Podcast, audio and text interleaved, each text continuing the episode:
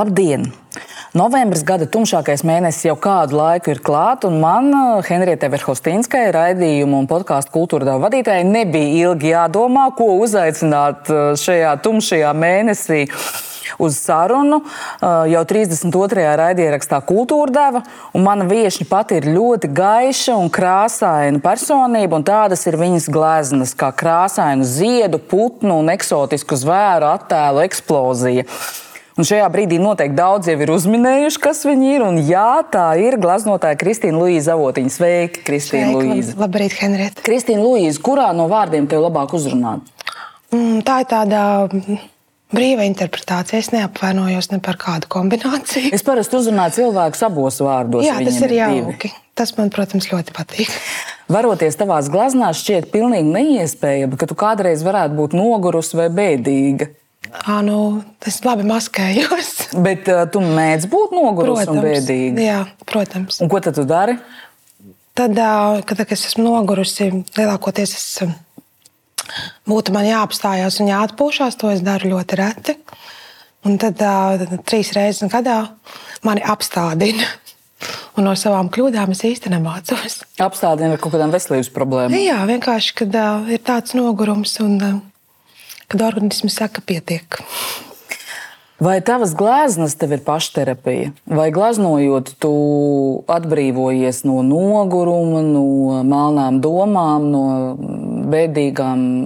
Sajūtām? Jā, es varu teikt, ka nu, man ļoti patīk tas, ko es daru. Mans darbs, es viņu tiešām tā kā jā, kaifoju, esot savā glezniecības procesā, ja tā var teikt. Un, uh, kā lai saka, tāda pašterapija droši vien. Kad sāk gleznot, tad paliek vieglāk, bet tīri varbūt tā tehniski.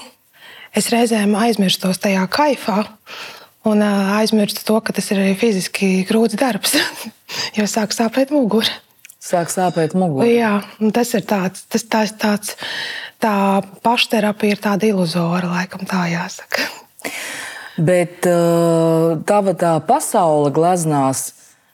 Nu, tur ir tie krāsainie tīģeri. Es atklāju, ka tev ir arī sarkans un zils tīģeris. Jā, tā, tā sarkani, viņiem gadās. Sarkani gūbji un krāsainas dzērves un uh, visās varavīksnes krāsās uh, putni un ziedi un mistiskas būtnes, kurām nav ekvivalenta reālajā dzīvē. Nav izskaidrojuma. Tas viss ir tavā galvā. Jā, tas par kaut ko liecina. Laikam. Bet, bet tu, kur tu to ņem visu?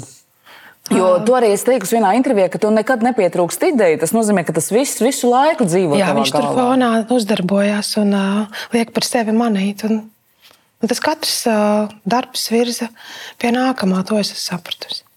Vai tu nosapņo savas gleznas? Nu, tas būtu noteikti tā mītiski, ka es par sevi varētu radīt šādu mītu, bet ļoti reti. Vai tev vispirms ienāk prātā kaut kādas eh, detaļas, kaut kāda tēla un kompozīcija jau tu rādi ar prātu, Jā. vai tu uzreiz ieraugi? Nē, nu, man viss ir galvā. Tā kā pirms es sāku darbu, tad es viņu zīmēju uz audekla. Tad, kad viņš ir uzzīmēts, tā kompozīcija man liekas, ka viss ir gatavs. Jā. Ah, tad tu izkrāso. Tad, tad jāsaņemās ir un jāuzglezno. Vai tev ir kaut kāda, kaut kāda īpaša paņēmiena, kā tu sevi noskaņo, lai radītu šos fantastiskos, tā, ko tu dzer, ko tu ēd, ko tu pīpē? Nepīpēju neko, pat neesmu nekad zāli pīpējusi. Nu, nu tā, jo reizēm kādam liekas, ka kaut kādas sēnes graužu pie tējas, bet nē, es dzīvoju ļoti, ļoti tradicionālu, vienkāršu dzīvi. Un man tā kā nav vajadzīgi nekādi tādi mākslīgi impulsi. Jo man vispār no tā drusku bail, es tāds aizrautīgs cilvēks, man varētu tās sēnes iegaršoties. Bet tā man pietiek ar to dzīvi, kas ir apkārt. Man liekas, gan interesanta. Un šī dzīve rada tevī šos fantastiskos tēlus. Oh, es, es par to tā nedomāju. Tas tā ļoti dabiski sanāk. Kā, jā. Vai tu lasi kaut kādas fantāzijas grāmatas? Jā, šobrīd uh, Harry Potter un Trolītu mūmiju. Tas kaut ko izskaidro. Tas jau kaut ko izskaidro. Trolīt mūmiņu droši vien lasa priekšā meitai. Jā, arī Harry Potteru. Ļoti laba literatūra. Jā. Ko tu vispār labprāt lasi? Tā, kad tev ir laiks, protams. Ah. Dzēju? Tas būtu arī ļoti romantiski un skaisti. Es tā varētu pateikt, bet es lasu vispār ļoti maz. Teikšu godīgi. Jo tu ļoti daudz strādā. Es daudz strādāju, un vakaros reizēm man vienkārši aizmiegu. Bet tu esi tāda disciplinēta glaznotāja, tu glazno katru dienu? Jā, es esmu neciešami disciplinēta. Vai tu pati sev nosaki savu darbu laiku? Jā, man nav priekšnieka, tas ir jauki. Tev ir mazais priekšnieks. Man ir mazais lielais priekšnieks, kam, protams, ir pakārtots um, mans uh, darba grafiks. Līza Lotte iet bērnu dārzā šobrīd. Jā. Tava mamma, Ilza Avotiņa, arī ir glaznotāja. Cik lielā mērā tas noteica tavu profesijas izvēli? Droši vien, ka tas ietekmēja. Bet tas ģimenē nekad netika veicināts līdz ar to. Tas vienkārši tam bija jānotiek, tas bija lēmts tā notikt. Tu kādā intervijā teici, ka tu esi ļoti spītīga un ka izvēlējies glaznotājas profesiju par spīti tam, ka vecāki centās tevi atrunāt. Nu, es biju ļoti uzstājīga par spīti. Es kā laikam to nedarīju. Tas būtu diezgan muļķīgi, bet es vienkārši, nu jā, man ļoti patika zīmēt un sapratu, ka cita ceļa nav. Vai tev uzreiz, tā, kad tu sāki zīmēt, pavērās šī fantastiskā pasaule?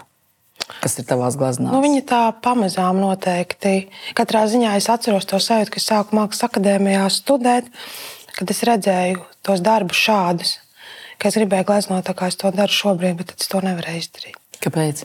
Tev ir vienkārši neveikla roka. Tu nemāki to visu. Pietrūka meistarības. Pietrūka meistarības un tās, jā, tās tīri tehniskās viens ir, kas tev ir tā vīzija galvā, un ka tu ne, nevari. Tā kā tu viņu projicē, bet viņa nesenāk ar nu, zaudekli galīgi nekas neprojicējās. Man ārkārtīgi, ārkārtīgi gribas saprast, kā cilvēkam, kas dzīvo samērā drūmajā Latvijas klimatā, īpaši, kas mums ir nu, teiksim, kaut kāds astoņas mēnešus gadā, jo mums, protams, ir arī skaistais vasaras gada laiks. No kurienes nāk tās krāsas, tā intensitāte, tas emocionālais blīvums, tas, tas tā sajūta, ka ir kaut kas uzsprāgus krāsu fabrika. No, no, no kurienes tas nāk? Vai tu esi kādreiz aizdomājusies par to? Sāksim to, ka man Latvija nekad nav likusies drūma, arī tad, kad, tad, kad ir novembris. Es arī tagad nākot uz sarunu piefiksēju, kā ārā dzied putni, un man likās, tas ir tāds tāds gaiss, tā kā tikko ir pavasarī nokusis sniegs, un tūlīt sāksies tas pavasaris. Es uh, gaidu jau pavasari, protams, man pietrūkst tās gaismas, nu, glaznojot. Jo dienas gaisma ir, protams, vislabākais kā, stāvoklis, pie kura glaznot. Bet uh, no kurienes tas viss nāk, nu, tas ir, uh, ja paskatās manas mammas gleznas, tas, protams, ar šo pēctecību. Viņi ir nenoliedzami, un tas skaidrs, ka tas, ka tas pārmantojās. Ja? Lai kā tu vari būt. Nē, man arī nekad neesmu gribējis no tā nebēgt. Ne, es arī nekautrējos. Ja. Man liekas, skaisti, ka bērni turpina kā, kaut kādu to dinastiju. Jā, tajās krāsās noteikti ir kaut kāda līdzība, bet pašā glezniecības manierē ir arī ļoti atšķirīgi jūsu rokraksti. Jā, nu es vairāk man tas sasaucos ar māmu, kad viņa vēl mākslas akadēmijā studēja. Ja tu atceries tas diplomdarbs, kas bija mums lauku mājās pie sienas, jā. tas jau ir tas ka māma gleznoja tos palielinātos Latvijas augus. Tad es būtībā nu, esmu laikam uztvērusi to līniju, un viņi turpina. Man ļoti patīk rotaļāties ar tiem visiem dabas elementiem. Arī tavai māsai Katrīnai Avotiņai ir mm -hmm. raksturīgas ļoti spilgtas krāsas. Bet arī mēs esam nu, ļoti atšķirīgi. Ļoti. Tās ļoti, ļoti. Jā, tā ir. Mm -hmm. bet, bet krāsu tā izjūta kaut kur ir radniecīga. Nē, nu, jā, tas tā dabiski. Uh, Kalnu mūrēnos pie Liezēras, kur tu minēji, kur arī pie sienas ir uh, Ilzas um, diplomdarbs, tur ir tomēr šīs. Nu, šī ainava ir dziļi latviska, tā es gribētu teikt. Un, uh, un, uh, un savukārt tas tradicionālais, varbūt stereotipiskais priekšstats par to, kas ir latvisks, to katrā jā, ziņā teiktu, ne... tas ir stereotipisks. Jā, to nevar attiecināt uz tavām glaznām, bet tu teiktu, ka tās ir latviskas. Jā, tas ir Latvijas. es lepojos ar to, ka es esmu Latvijas. Es, laikam, jāsaka, tā nekad dzīvē arī neesmu vēlējies nekur citur dzīvot un pārcelties. Man ir paticis padzīvot kādu laiku ārpus Latvijas, bet tā, tā piederība šai zemē ir ļoti liela. Man. Kas tev visvairāk patīk Latvijā? Man, man patīk daba. Nu, tas ir tas kaut kāds, es par to tā neesmu domājis, lai es tā varētu kaut kādus uzskaitīt faktus, bet vienkārši tas ir tā, ir tā nu, es domāju, tu esi šeit piedzimis. Tā ir tavs saknes. Tas ir tāds, nu, to nevar. Kad es aizbraucu uz lauku mājām, tad man tur var teikt, dvēseli dziedi. Nu, tā kā man ir tas viss mīļš, es izēju ārā, smaržo mans pagalms, eglis mūsu. Un, Kuras jūs paši esat stādījuši? Paši esam, jā. Un tādas, nu, tādas vienkāršas, bet ļoti vērtīgas lietas, sajūtas. Kamēr Līza Lotte vēl neiet skolā, tad jums ir iespēja dzīvot lielu daļu gada tajās lauku mājās, vai ne? Nu, bija tāds periods, tagad jau vairāk nē. Jo ir Rīgas dzīve, atgriezusies ar sagatavošanas klase. Un sagatavošanas klase un lielas cerības un lielas grūtības. Kādā ziņā liels cerības, liels grūtības? Nu, ļoti nu, par skolu. Un, un tad Līdzlot ir ļoti aktīva un viņai gribās visu uzreiz. Tad tu mēģini noturēt to uzmanību un tikt līdzi tam mazajam virpulītim un viņu pielikt pie kaut kādas kārtības. Tās jau tās grūtības. Lielā mērā tas ir atkarīgs no Līzes Lotes, arī tavs dienas režīms. Vai tev gadās arī tā, ka tev ir jāatliek kaut kādi radošie plāni, tāpēc ka mazajam cilvēkam ir savs uzskats, kas tajā brīdī ir jādara? Nu, es tur mēģinu tā stingri turēties. Viņai arī paskaidrot, ka mammai ir darbs. Bet, protams, kad es tā variēju. Bet es zinu, ka man tas laika teiksim, parāds tam manam darbam būs jāatrod citā brīdī. Naktī. Nu, man naktī man vairs nav tik laba attiecība kā agrāk. Līza Lotte arī jau zīmē un jau, jau pat glezno pat drusku, cik Jā. var redzēt no tiem sociālajiem tīkliem. Vai tas nozīmē, ka būs arī trešā gleznotāja paudze? Nu, viņa šobrīd pati tā domā, es, bet es jau nezinu. Jo ļoti... viņa ir uzaugusi darbnīcā. Jā, un, protams, ļoti daudz man to jautā. Es vienmēr domāju, nu, kā tu vari pajautāt. Nu, cilvēkam ir seši gadi, nu mēs taču nezinām. Tā kā es negribu tādas kaut kādas baigos, spied, tādu lielu spiedienu viņai radīt, un tas jau nav tik vienkārši. Tas gan nav vienkārši. Viņai liekas, ka, viņa, jā, ka tas varētu tā notikt ātri. Es saku, ka nē, viņa jautā, nu, lūdzu, manas lielos audekļus. Es saku, nē, nē, nē, nē, liels audeklis būs tikai pēc augstskolas. tas ir jānopelna.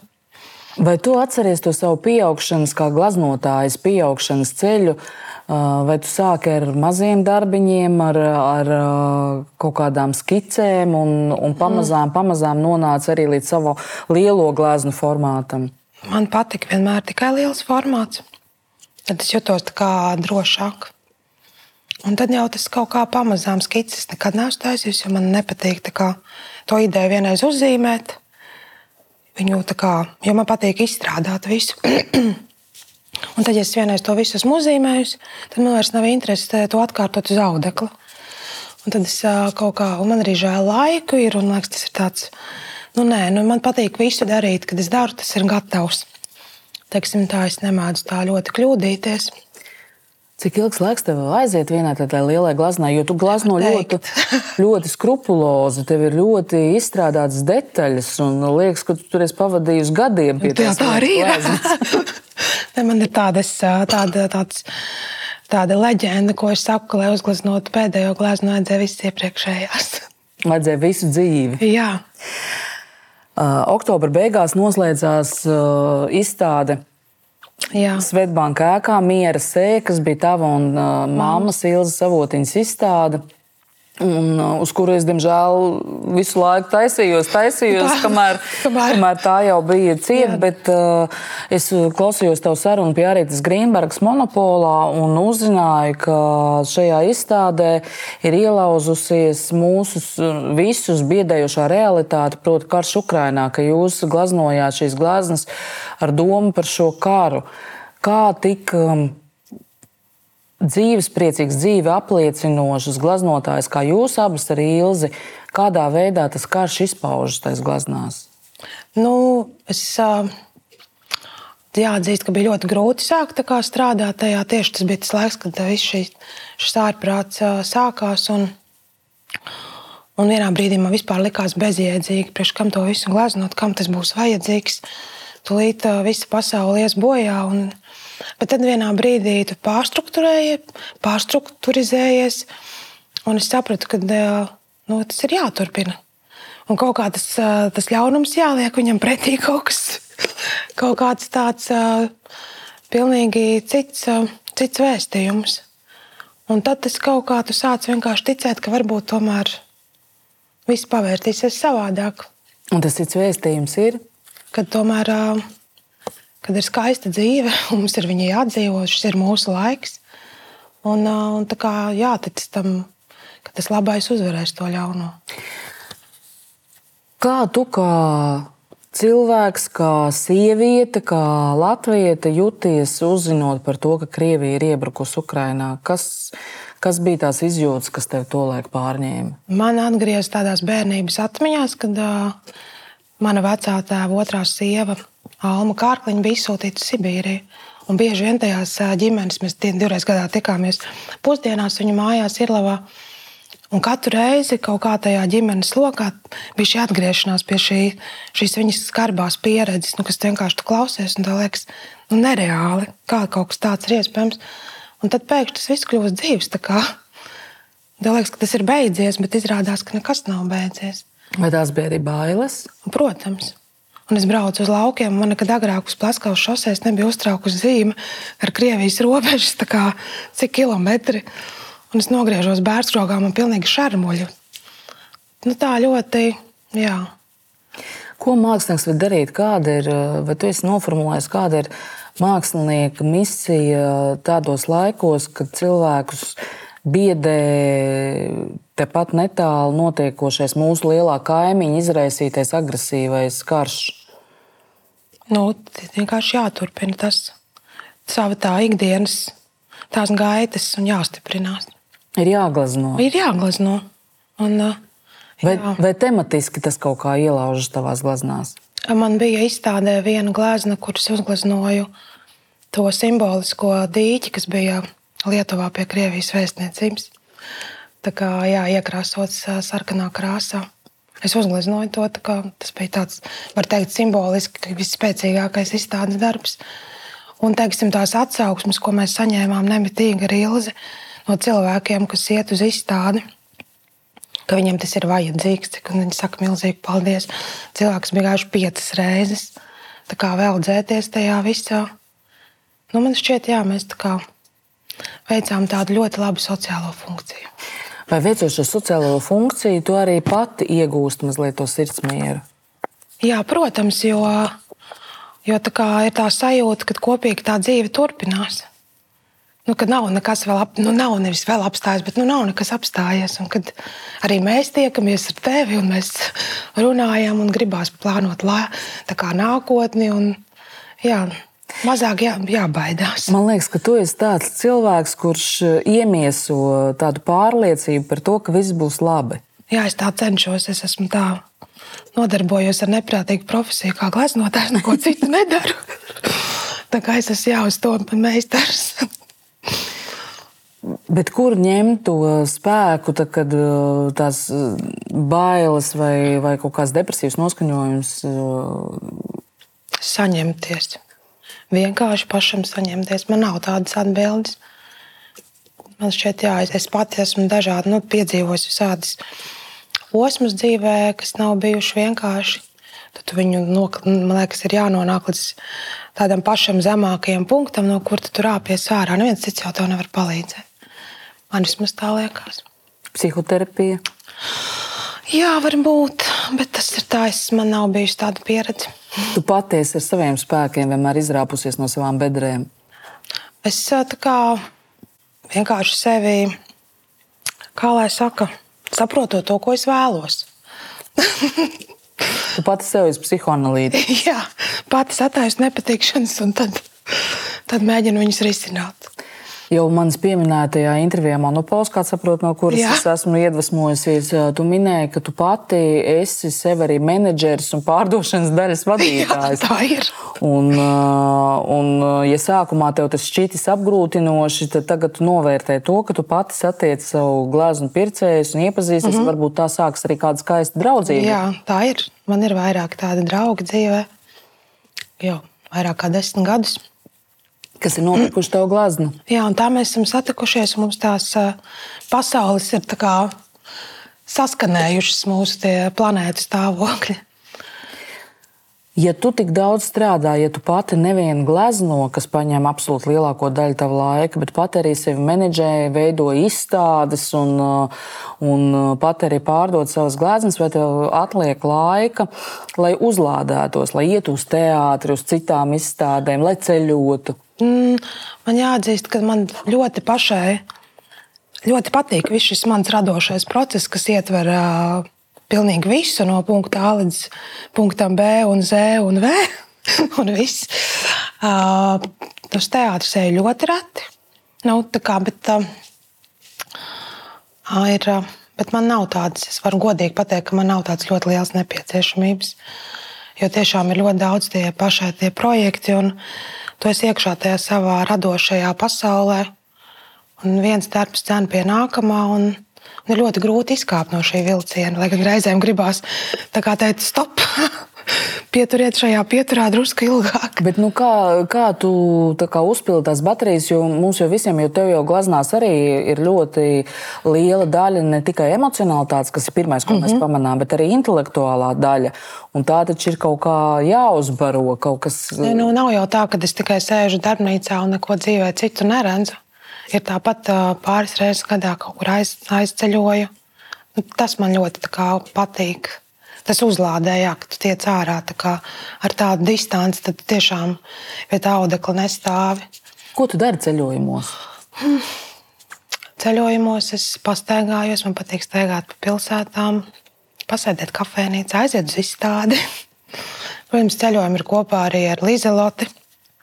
Es bez viņas neceļoju nekur, jo man liekas, ka Tas varbūt ir pilnīgi nepareizi. Bet, nu, kad viņi ir jāņem visur līdzi, es nevaru tā viņu atstāt mājās un aiz, aizlidot, piemēram, ar vīru.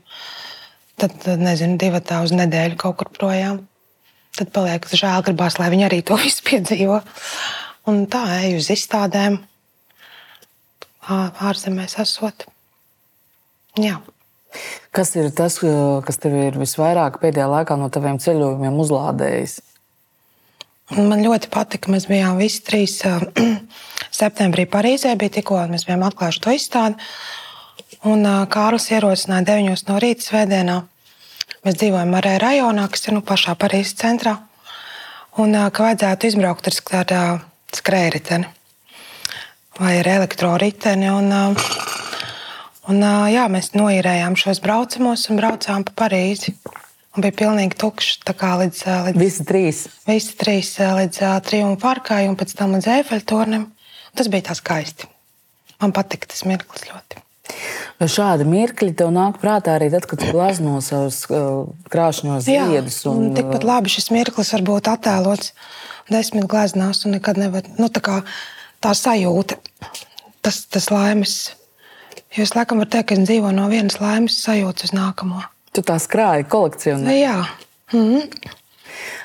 Kā tu ieteiktu citiem darīt, kā nepalaist garām? Man vakar tieši bija saruna ar meitu, kurai ir raksturīga tāda pusauģa grūtsirdība, un, un, un viņa saka, ka nu, nekas neizdodas, un ka viss ir pelēks, un viss ir uh, skumjš. Un, uh, un es saku, bet tev ir jāiemācās tie brīži, kad tu esi laimīga, tos kaut kā notvert, apjēgt, varbūt ierakstīt dienas grāmatā un pēc tam pie tiem atgriezties. Jā, tas varbūt ir tas vecums, atceros, ka es nu, tajā vecumā rakstīju dienas grāmatas.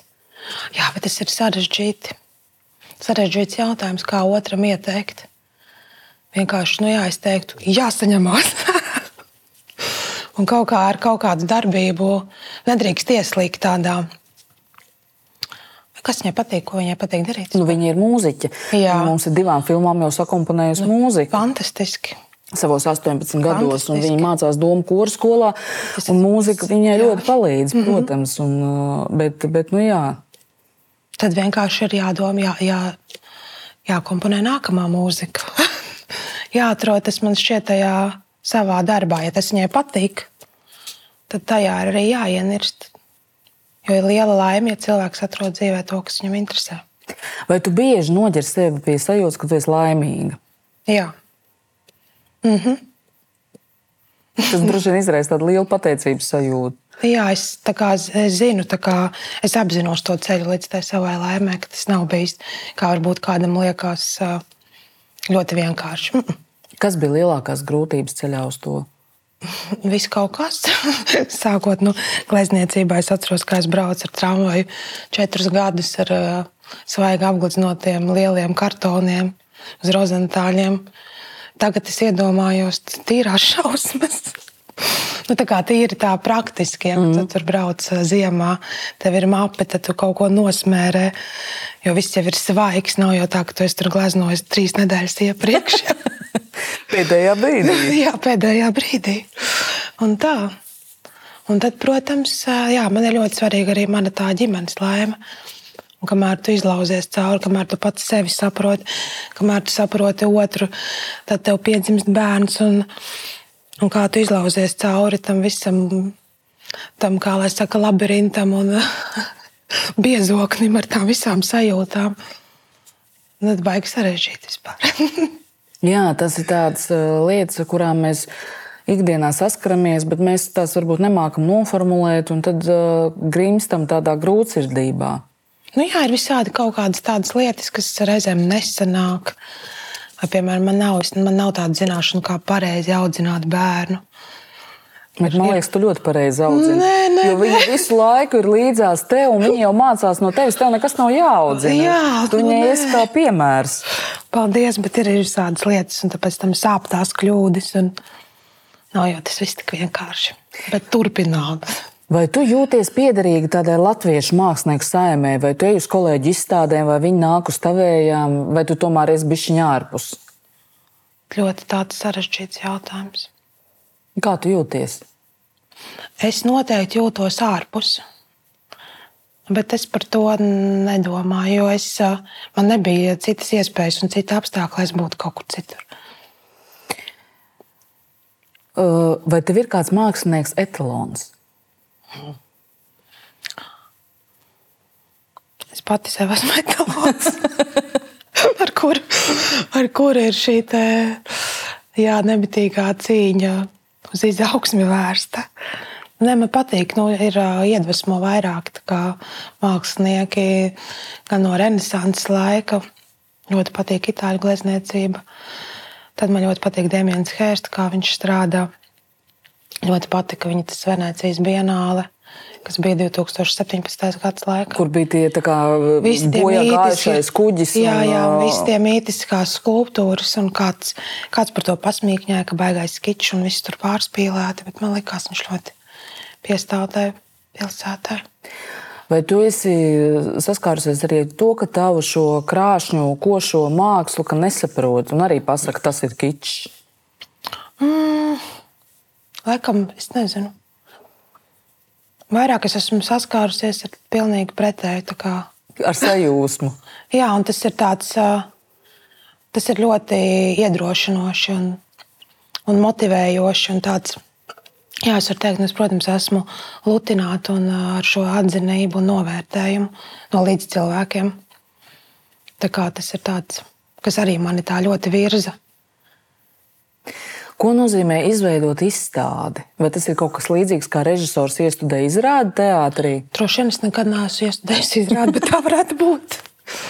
Nu, tas ir tāds, no tāds mērķiecīgs, liels darbs, kas nav nu, kā tev ir jāizveido. Man ļoti ir svarīgi veidot šīs izstādes, man ļoti tas patīk atnāk šis izstādes nosaukums, un tad ap viņu veido šo kolekciju. Tā es to redzu. Tā kā rakstis atcerējumu ir virsraksts, jā, ir vai, tēma. Jā, vai tā kā, nezinu, tas ir sarakstīts iespējams arī tādu mūzikas skaņu darbu, operus atcerēt. Tev savulaik bija tāds uh, multimediāls uh, darbs, uh, izstāde, sapņu upe, mm, kurā tavi darbi atdzīvojās un tādā milzīgā formātā uz sienām mm -hmm. Rīgas mākslas telpā dzīvoja mm -hmm. savu dzīvi, tik animēti. Uh, vai tu labprāt ļaujies tādiem piedzīvojumiem? Jo Jā. šāds formāts, kas ir ārzemēs visai ierasts, jo Jā, tā... viņš tagad ir kļuvis ļoti populārs. Jā. Tad viņš vēl nebija. Kā, tas bija pirms. Uh, septiņiem gadiem. Jā. Bet es ļoti labi atceros, un to, to izstādi arī atkārtoju mm -hmm. vēlreiz pēc kāda laika, jo tā bija ļoti populāra. Pēc, jā, es atceros pēc Līdzlotē bija divi gadi, tas bija pēc 2017. gadā. Un mēnešu laikā viņu apmeklēja 15,000 cilvēku. Tas bija skaisti. Ko tu ieguvi no šī projekta, no šīm kustīgajām bildēm? Pilnībā es ieguvu ļoti daudz ko. Tā kā to man bija ļoti svarīgi, ka tas tik, ka tas ir uzzinājis tik plašu cilvēku loku un ka cilvēki gāja kopā ar saviem bērniem. Tas arī bija tāds no manas puses sociālais projekts, tā var teikt. Tāds, jā. Ko tas tehniski prasīja? Kā tev nācās pielāgot tās gleznas? Man bija brīnišķīga komanda. Roberts Rubīns bija režisors šim visam. Tad uh, Cinters aizmirst viņam uzvārdu animēja. Krūmiņš. Jā, Cinters Krūmiņš. Man bija liels gods. Un tā bija tāda unikāla pieredze strādāt komandā. Un man, man nekad nav žēl, kad manas darbus kaut kā izmanto. Tur nezinu, nogriež nezinu, no klusās dabas ābolu, izņem ārā vai, vai noņem kādu putnu, vai viņu palielina, tur pavairo desmit vietā ieliek. Jā, man liekas, tas tās mūsdienu iespējas, nu, tā kā iespējas tehniskās no viņām nu, nav jābaidās, un es neapvainojos par to, ka kā nu tā, nu skaisti. Tuvojas gada nogale, un es zinu, ka tev ir atkal iznākuši tavi kalendāri. Izstāsti par to, kā tev radās iecer, cik gadus jau šī kalendāra notiek. Jo es pat, pačukstējuši klausītājiem, ka man ir mājās Kristīnas Luīzes savotiņas galda kalendārs. Es to lietoju. Tas ir ārkārtīgi praktisks un ērts. Un arī brīnišķīgi iepriecina katru mēnesi ar tādu košu, ar savu to dzīves prieku un vitalitāti. Bet kā radās šī iecerē? Tas ir stāsts, es tā mēģināšu ļoti īsi. Man ir tāds dzīvē uzskats, ka reizēm ir ļoti svarīgi atsaukties kaut kādiem kā, piedāvājumiem, nedomājot, ko tu par to saņemsi. Tā kā nevienmēr viss ir mērāms naudā un kādās materiālās lietās. Ja nemaldos, tas bija pirms desmit gadiem, laikam, jā. Tipogrāfija Vēters kopā ar saviem sadarbības partneriem vēlēs izdot mākslinieka kalendāru un parādīt tās savas tipogrāfijas iespējas, pēcapstrādes tehniski, ko var mūsdienās viena drukas mašīna izdarīt, kādas krāsas nodrukāt. Un viņi izvēlējās mani šim pirmajam kā, projektam, un es piekritu, es iedevu savus gleznu failus. Un tad iznāca šis kalendārs. Viņu dāvināja. Tas bija tāds jā, sociāls projekts noteikti, jo nevienam Neviens neiegādājās šo kalendāru. Tad pagāja laiks, kaut kādi trīs gadi vai divi pat. Un cilvēki jautāja, nu, kad tev būs kalendārs? Tā kā nu, ilgojās, ka ļoti patika. Un tad es sapratu, ka laikam nu, būtu vērtīgi pašai to izdarīt. Un tad, jā, tad es uzrunāju sponsorus, visi bija ļoti laimīgi, priecīgi, un mēs kopā to izdarījām veicām. Tā ir kļuvusi par tādu tradīciju, kad jau augustā es atlasu gleznas, kuras būs nākamajam gadam. Tad strādāju kopā ar mākslinieku Tomasu Folku. Mēs saliekam to visus mēnešus. Un tā, tas tāds Kurš mēnesis tev ir vismīļākais? Man, man ļoti mīļš noteikti ir aprīlis, kad ir dzimusi meita un mamma. Bet patiesībā viss ir mīļi, un tu katru mēnesi pāršķir. Man pašai arī mājās savs kalendārs. Aizējām aizmirst pāris dienas, ka tas mēnesis ir pienācis un ir jāmaina. Un tā vienmēr ir tāda atklājuma sajūta, nomainīt to mēnesi un parādās un kaut kāda jauna glezna. Jā, un tad, jā, un tad, protams, ir tas milzīgais atkal, tas arī gandarījums, ka tā ir kļuvusi jau ļoti daudziem par tradīciju. Un katru gadu mēs nodrukājam tūkstotis eksemplārus, viņi nav vairāk. Un pirmajās trīs dienās puse bija izpārdota. Nu, skaisti. Es esmu tiešām tā kā. Bet jā, tas nav noticis vienā dienā. Bet eh, kā tu atlasi, tās ir gleznas, kas ir tapušas tajā konkrētajā gadā? Es ir... Um, vienu laiku ļoti tā kā pie, tā kā pieturējos tā ļoti skrupulozi, kad man darīja tikai tā. Bet pagājušajā gadā, kad iznāca mans glezna albums, mēs ar Tomasu bijām uztaisījuši to albumu. Tad es atradu visādas senākas darbus, kas nekur nebija parādījušies. Man liekas, nu, kāpēc tas jau nevienam neko nemaina. Kāds gada skaitlis ir uz šīs gleznas, galvenais, ka viņš ir kā, nu, atbilstošs. Vai tev ir bijušas kaut kādas tādas gleznas, kuras. Nu, zinu, mēs veidojām ar Andreju dokumentālo filmu par Birutu dēli. Mm. Un viņai ir kaut kādas gleznas, kuras viņa nevienam nepārdod. Viņa kaut kā viņas mazajā dzīvoklī īsti vairs nav vietas, bet Jā. viņa viņas nepārdod, jo viņai viņas ir svarīgas. Vai tev arī ir kaut kādas tādas gleznas, kuras tu nevienam nevēlies pārdot, tu gribi, lai tās paliek tavā īpašumā? Jā, man ir viena no pirmās izstādes, kas bija 2004. gadā pie Kaspara Zāriņa. Tad man bija 21 gads. Un tas bija tas, es jau esmu Pedantā. pedantā. Kad viņam vecrīgā vēl bija pedants, netālu no restorāna Monteroso. Un, jā, un tas bija tas mans tāds pagrieziena punkts, jo no tās izstādes nopirku visas gleznas. Un palika tikai tā viena, kas man mājās ir. Un tas ir tāds atgādinājums par to, ka vajag saņemties un ticēt sev. Glezna talismans. Jā, Tā Un tad man es esmu atstājusi laikam no katra gada pa vienai gleznā, lai tas arī paliek ģimenē. Un tā. Uh, Es nezinu, vai tu pamanīji, es tev ietegoju pie ieraksta Facebook, Kristīnas Jurijānas ieraksta, kad viņa bija izlikusi savu, savu vāverīti, kuru viņa ve, uh, bija kādreiz strādājot reklāmas aģentūrā, bija mm. Nepamanīju. zīmējusi tortei vāverīti. Mm. Un viņa šo vāverīti bija atradusi Jā. starp savām skicēm, to zīmējumu Jā. un ielikusi Facebookā kā tādu atmiņu. Un tu arī labprāt sadarbojies ar dažādiem uzņēmumiem. Tavi krāšņie uh, ziedi un puķis ir rotājuši gan cēsu alus, vieglu, vieglu, Jā. vieglā alus, tās dām, dāmu buļģiņas, kā es to saucu. Mm -hmm.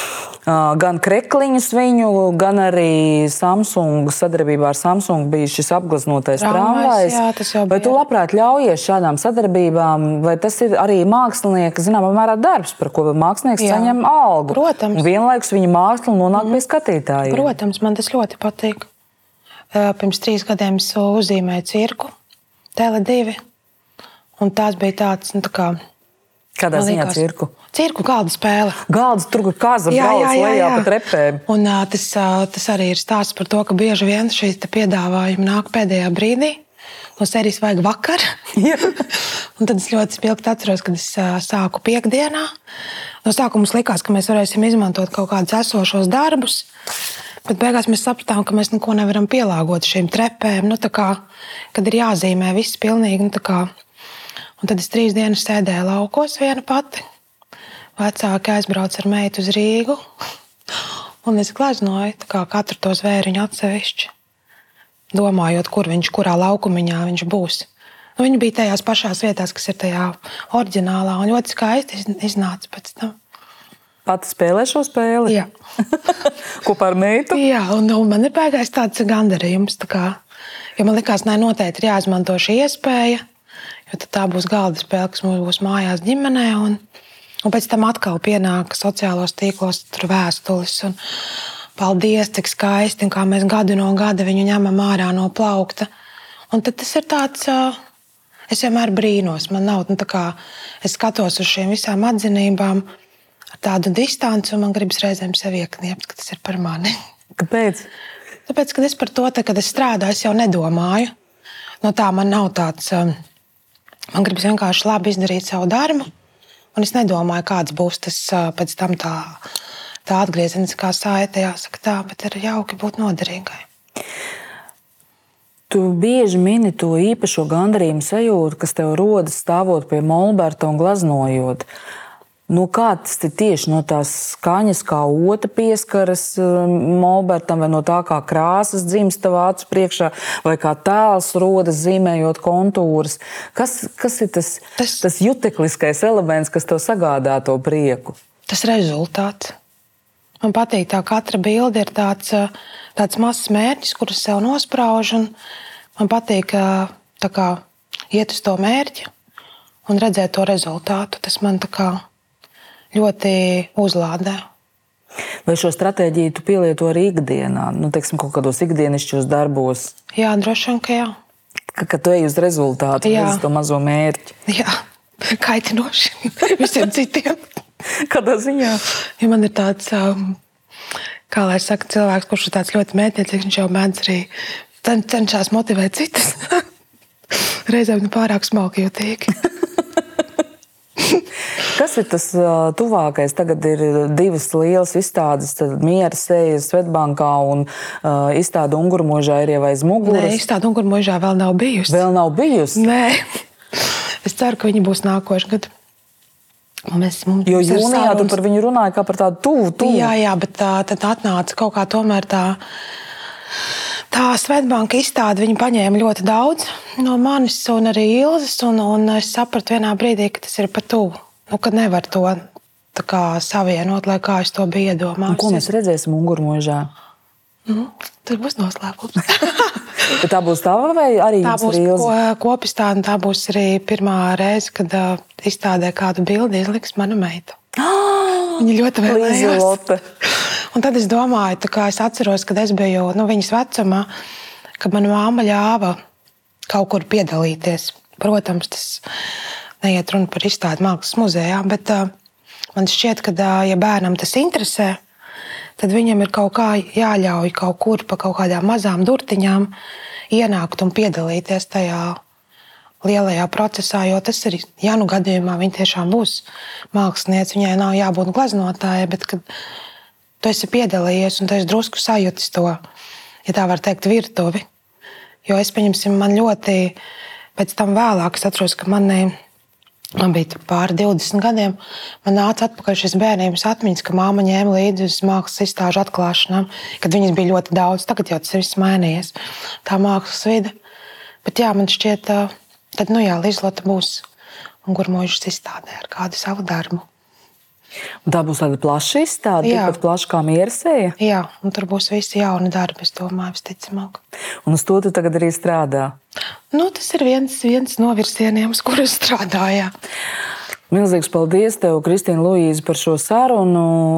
Es uh, ārkārtīgi novēlu uh, visiem klausītājiem iespēju iedvesmoties no Kristīnas Luīzes avotiņas gleznām, jo tās patiešām ir ārkārtīgi iztaro nu, tādu dzīvesprieku un, un tādu labu pašsajūtu, ka, kā jau es teicu, mūsu sarunas sākumā nav iespējams iedomāties, ka šī gleznotāja kādreiz jūtas arī bēdīgi vai nogurusi. Paldies, paldies! Šo jau 32. raidierakstu kultūra deva laidienu. Jūs bijāt kopā ar košo un dzīvespriecīgo gleznotāju Kristīnu Luīzu Avotiņu un mani Henrietu Verhaustīnsku. Ar jums tiekamies arī raidījumā Kultūra deva ik svētdienu, pulksten 5. Latvijas televīzijas pirmajā kanālā vai replē.lv. Savukārt nākamajā kultūra devas podkāstā tiksimies jau pēc divām nedēļām. Atā! Atā, paldies! Paldies!